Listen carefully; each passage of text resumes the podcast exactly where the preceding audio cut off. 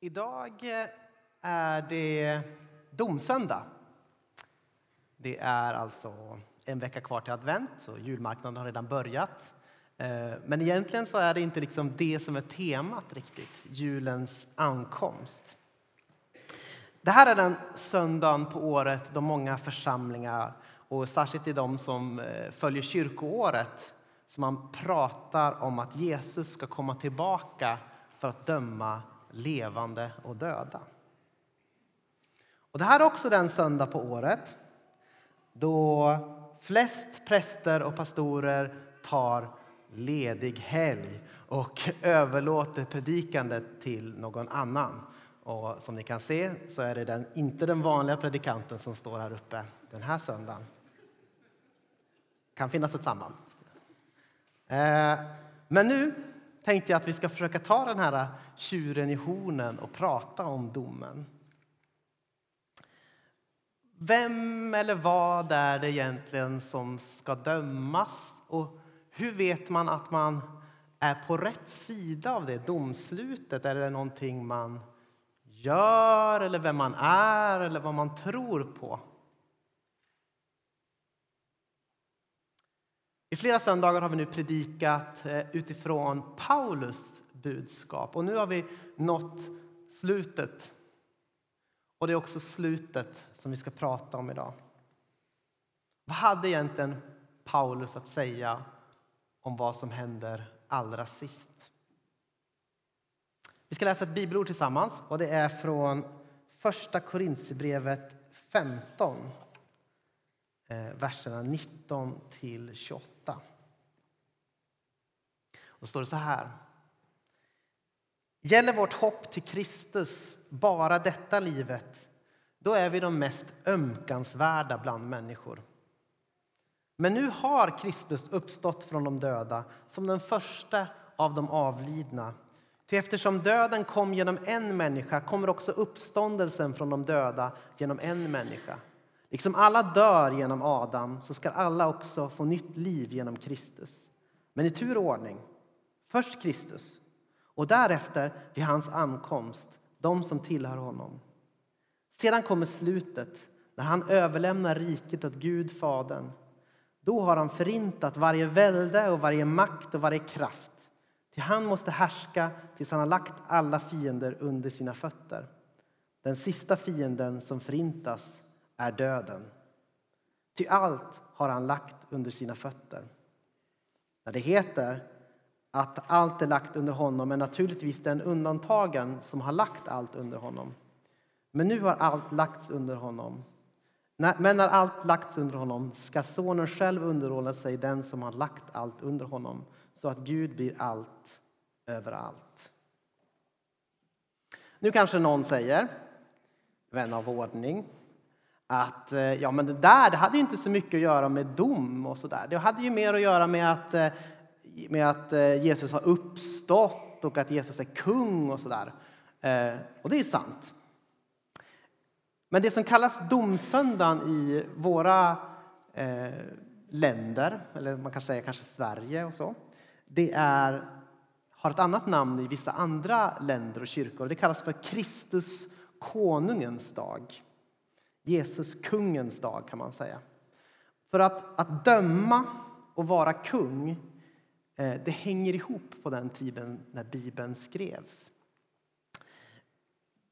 Ni kanske känner till att det finns en person som heter Salomo som är kung i Bibeln och han till exempel får liksom lösa lite tvister. Så. I ett tillfälle så kommer det fram två kvinnor eh, och bråkar om ett barn. Vems barn är det? Och då får, Paolo, eller får Salomo liksom lösa den här tvisten. Eh, Paulus själv, han försöker överklaga eh, det här domslutet om att, eh, ja, han, att han inte får predika, att han inte får förkunna, utan han är lite folkfara. Eh, han överklagar det till kejsaren som är den högsta auktoriteten. Så att döma och att härska, det hänger liksom ihop i Bibeln och i Bibelns tid. Om jag skulle väcka upp någon av er mitt i natten och skulle fråga vad är den viktigaste händelsen i kristen tro? Då gissar jag att många av er skulle säga någonting sånt här lite sömndrucket som att, att Jesus dog på ett kors för oss. Det är det viktigaste som har hänt. Och det är såklart det är någonting som Paulus tycker är ytterst centralt. Det är liksom eh, någonting som han utgår väldigt mycket för. Men om jag, jag, misstänker att om jag skulle väcka Paulus mitt i natten och fråga vad är det viktigaste händelsen? Det som har förändrat allt. Vad är det liksom som allting hänger på, som allting står och faller på, det som du har förkunnat? Då tror jag att han skulle säga att Jesus har uppstått från de döda. Att Jesus Kristus är uppstånden, att döden inte rådde på honom. Att liksom inga av de här makterna och, och härskarna som ville få tyst på honom segrade utan att Jesus liksom kliver upp ur graven. Ingenting kan få tyst på honom och han liksom lever igen. Det här bevisar på något sätt för Paulus att Jesus är kungen. Det visar att Gud, Fadern och Jesus hänger ihop. Det visar att det som, den som Gud har Gud har liksom lagt allting under den här tanige snickaren. På korset så utsattes Jesus för hat, hån, våld och liksom synd från en samlad mänsklighet. Det var som om liksom alla världens makter koagulerade ihop till en stor klump och släpptes på Jesus. Det som drabbade Jesus på korset var lärjungarnas feghet. Alla hans, eller de flesta i alla fall, av hans närmsta lärjungar de överger honom när det börjar bli tufft. Men det som också drabbar Jesus det är liksom eh, översteprästernas avund, att de är avundsjuka på Jesus. Att de liksom ser att det är den här personen som folk tror är kungen. De drabbas också av de här eh, översteprästernas behov av att hålla sig på god fot med Rom. Alltså, vi, kan inte se, vi kan inte bli något sånt här äh, bråk eller upplopp eller att någon säger att de är kung. Vi måste få Jesus ur vägen. Jesus han drabbas av liksom att eh, vreden från, från kommersen i templet, den här äh, skuldsättningsmaskinen som gör så att folk liksom måste växla in pengar väldigt dyrt och sen bli skuldsatta för resten av sitt liv. Jesus drabbas av, säger evangelierna, av liksom hela den onda andliga världens vrede på korset. Han drabbas av liksom sanningshatande låtsaskungar som Pilatus. Det är som om Jesus drabbas på korset av liksom allt elände som tänkas kan. Liksom allting som står emot det Gud vill i världen, det som, Gud, det som är Guds syften med världen. Allting det som vänder sig emot det som kallas för Guds rike. Men Jesus, han uppstår igen från de döda och det visar att inget hat eller hån eller synd eller död eller djävul eller någonting sånt är liksom herre över honom utan när han stiger upp från graven så bevisar det på något sätt att Jesus är Herre över allt det här. Allt det där har han burit på korset och när han stiger ut ur graven då har han också visat att det här har inte makten över honom, han har besegrat det. Om vi spolar tillbaka lite grann.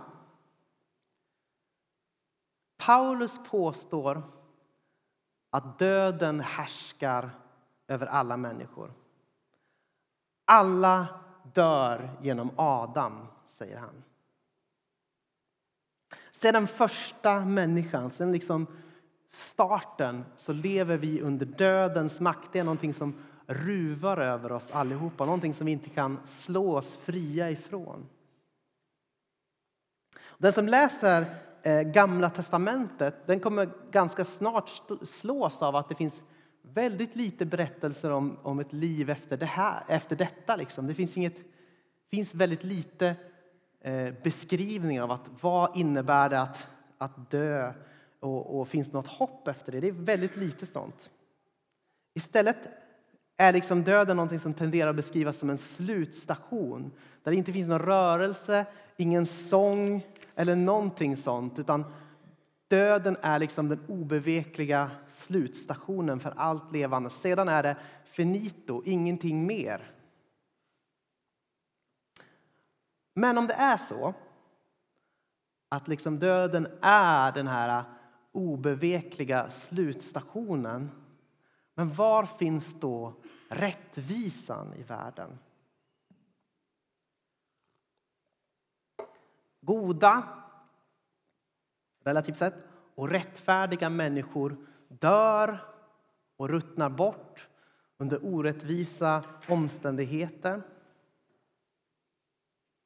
Och människor som det verkar som att de har liksom rensat bort varje anständig fiber ur kroppen och som ställt till med massor med elände.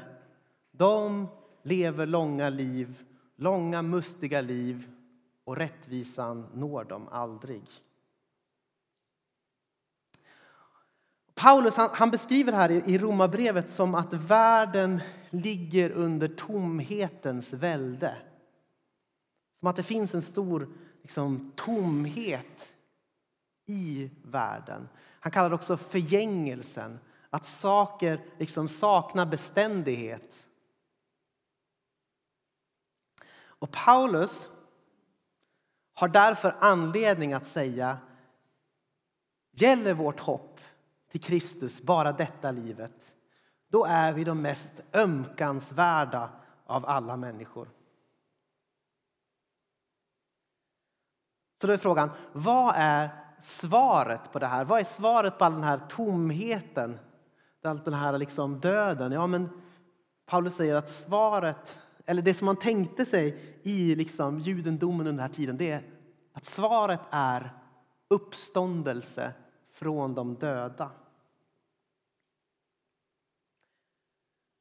Det är liksom det som börjar pysa och koka i judendomen, det här hoppet på att en dag så kommer en uppståndelse. Att en gång kommer Guds nya tid och då kommer allt som är dött och allt som är tomt gå under i ljuset av Guds härlighet. Och rent konkret så innebär det att människors kroppar kommer att uppstå. Att det som är dött kommer få liv. Och antingen är det så att eh, alla kommer stå upp, både liksom onda och goda. Och sen så kommer de eh, goda få evigt liv med Gud och de, eh, de goda sa jag, sa jag onda. De goda kommer få evigt liv med Gud och de onda kommer få eh, straff. De, rättvisan kommer till slut nå upp dem. Och sen så finns det också den här andra idén om att ja, men det kanske bara är de rättfärdiga som uppstår till evigt liv och resten eh, de fortsätter vara döda. Men det här, det tänker man så här, det här är någonting som ligger liksom framåt, långt framåt, när tiden tar slut, när allting summeras och sammanfattas av Gud, då kommer den här uppståndelsen från de döda. Men här kommer liksom tvisten, liksom den oväntade vändningen för Paulus som liksom överfaller honom när han är på väg från, eh, eller till Damaskus. Och det är att han upptäcker att Jesus har uppstått från de döda. Men nu har Jesus uppstått från de döda som den första av de avlidna.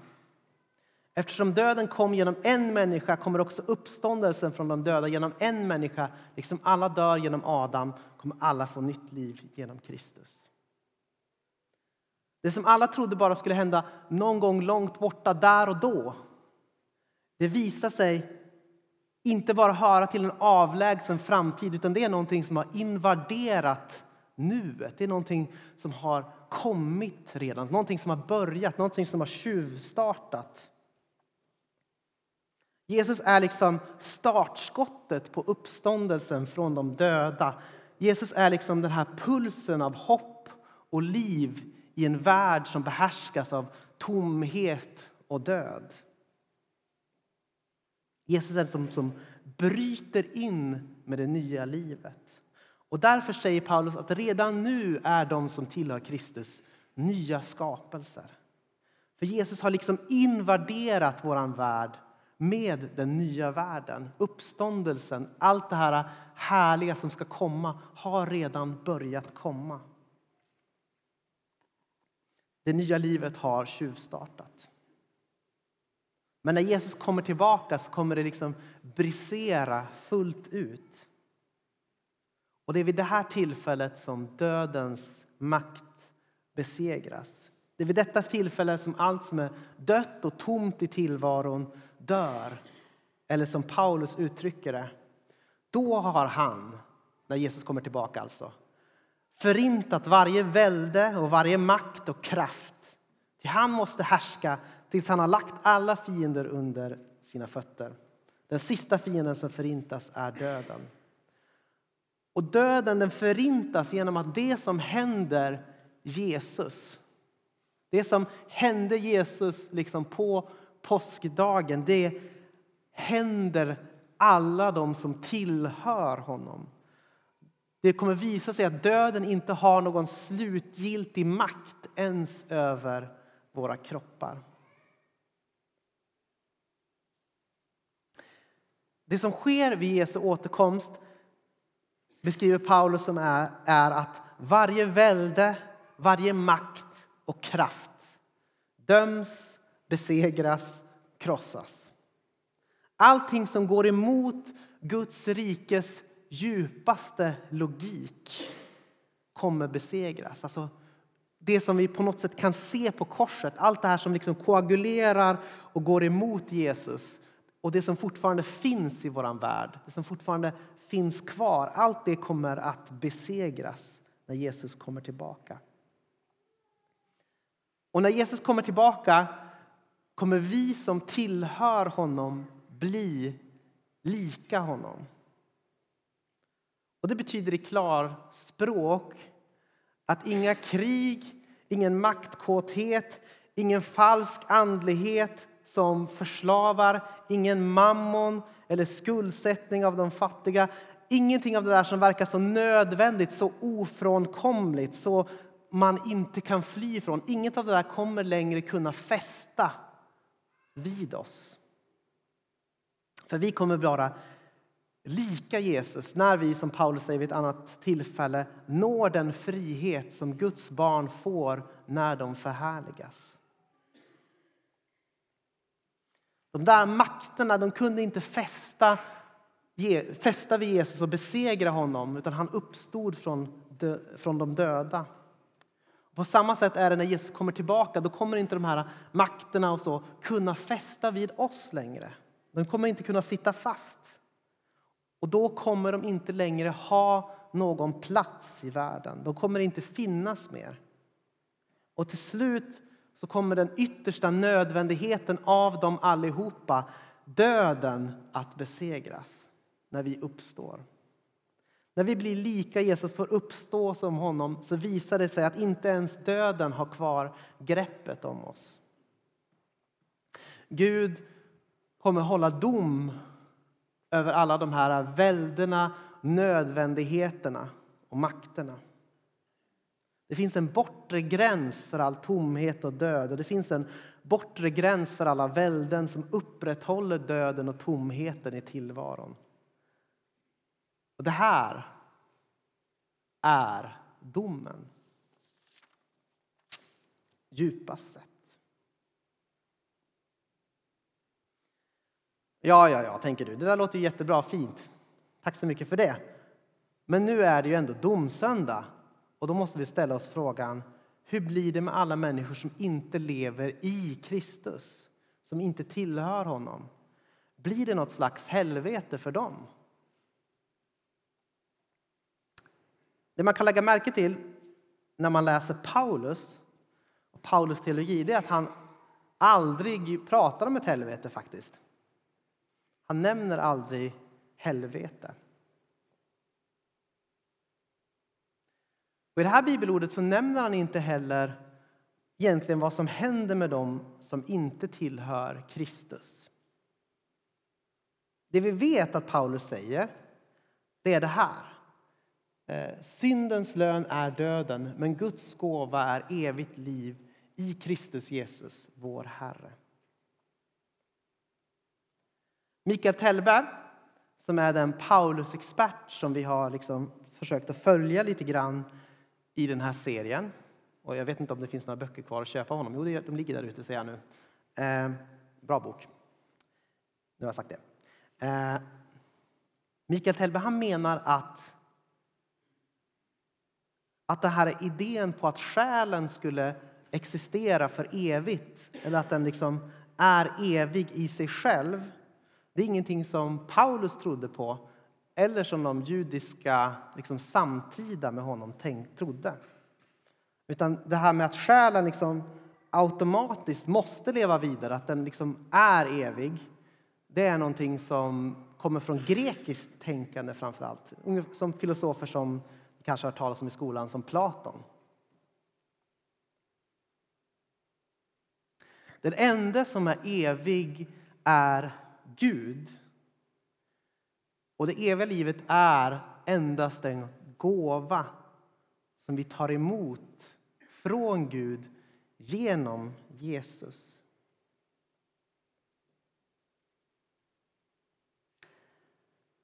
Domen för de som inte är i Kristus kanske bäst kan förstås att de som inte lever i Kristus de lever kvar under tomheten och dödens välde och på det sättet inte kan uppstå från de döda. De kan inte uppstå till eviga livet. De som är kvar i döden är döda. Jag kan lägga märke till att hos Paulus här så finns det både en, en, eh, en ganska vidöppen dörr. Han pratar om att eh, alla ska få liv genom Kristus. Men han har också en avgränsning. Han säger att det här gäller de som tillhör honom. Han har både det här, alla ska få liv och de som tillhör honom. Det finns både en vidöppen dörr och en begränsning.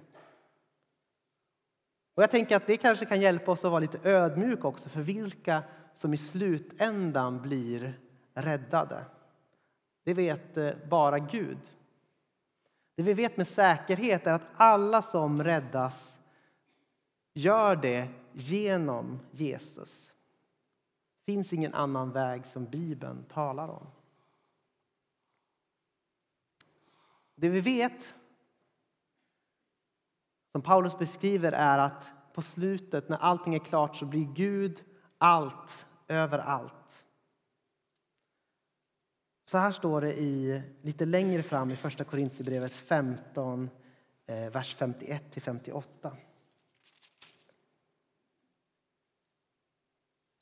Vad jag nu säger er är ett mysterium. Vi ska inte alla dö, men vi ska alla förvandlas i ett nu, på ett ögonblick, vid den sista basunens ljud.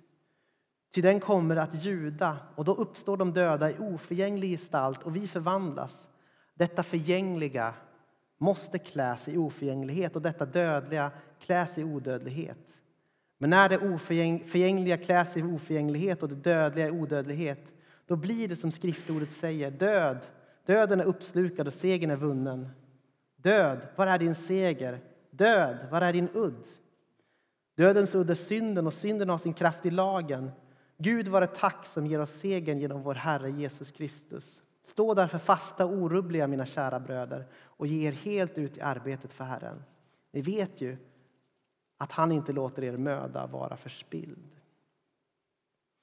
Det som talas om här i slutet är inte att alla per automatik lever vidare utan att det som är dödligt kommer kläs i odödlighet. Att det som är begränsat, det som har ett slut, det som har liksom ramar det kommer tas upp i Guds oändlighet kommer få helt andra proportioner. Vi kommer få del, ta del av det eviga livet genom Kristus. Och vi som i oss själva är dödliga får del av Guds odödlighet. För Paulus innebär inte det här framtidshoppet någon sorts eh, verklighetsflykt eller det är någonting som kommer fyllas, uppfyllas långt, långt där framme, där och då. Utan han säger att det här har påverkan på här och nu. Han säger stå därför fasta och orubbliga och ge er helt ut i arbetet för Herren. Alltså, det här hoppet är ingen liksom pie in the sky when you die eller någon sorts kaka som ska en himmelsk kaka som vi ska liksom, eh, hoppas på, som kan få oss att bita ihop och eh, liksom, klara av den här jämmerdalen här nere. För att Jesus kommer tillbaka innebär ett aktivt hopp, ett hopp som finns i görandet på något sätt. Att stå där för fasta. Gud kommer inte låta er möda vara förgäves. Ja, men varför är det så då? Jo, men därför att Guds nya tid, uppståndelsen från de döda har redan invaderat den gamla världen. Vi är redan nu nya skapelser. Jesus är redan uppstånden som ett liksom startskott, som en början på det som ska hända allt. Det som ska hända oss, det som ska hända världen. Framtiden är redan här och puttar oss i ryggen framåt. Därför kan vi redan nu låta det nya konfrontera det gamla. Alla välden och makter som leder till död och tomhet kan vi redan nu konfrontera. En dag kommer de inte kunna fästa på oss. En dag kommer de inte liksom, kommer vi ha en sån hal yta så att de inte de här lapparna med välden och makter kommer kunna sitta fast på oss. De kommer besegras. Men nu är det så att köttet, liksom vår syndiga natur, är i strid med den helige Ande. Och ändå kan vi redan nu träna oss att låta de här väldena och makterna släppa sitt tag om oss. Svensk mellanmjölksateism och liksom tvivel och sådär som verkar så ingrott kan vi redan nu låta släppa från oss. För vi har en, nytt, en ny värld i våra hjärtan. System som, skuld, som skapar liksom skulddriven desperation hos de fattiga kan vi redan nu liksom låta börja släppa sitt grepp om oss, för vi har en ny värld i våra hjärtan. Krafter som håller människor andligt bundna kan vi redan nu arbeta på ska släppa sitt grepp, för vi har en ny värld i våra hjärtan. Ekonomiska och politiska liksom makter som leder planeten till ond, bråd död kan vi redan nu liksom låta släppa sitt tag om oss och vår omgivning, för vi har en ny värld i våra hjärtan. Varje dag kan vara en domsöndag då vi vräker de här makterna som Kristus, konungen, ska och har besegrat ut ur våra hjärtan när vi vägrar låta dem fästa sig vid oss. Våra hjärtan ropar ut efter en ny framtid och allt är fullbordat. Maranata, kom Herre Jesus, du sanne kung. Herre, tack att du är konungen som kommer. Tack att du redan nu har, har besegrat alla mörkrets makter allting det som driver oss bort från ditt rike. Tacka att en dag så kommer inget av det här kunna fästa vid oss längre. Vi tar emot det löftet i tro. I Jesu namn. Amen.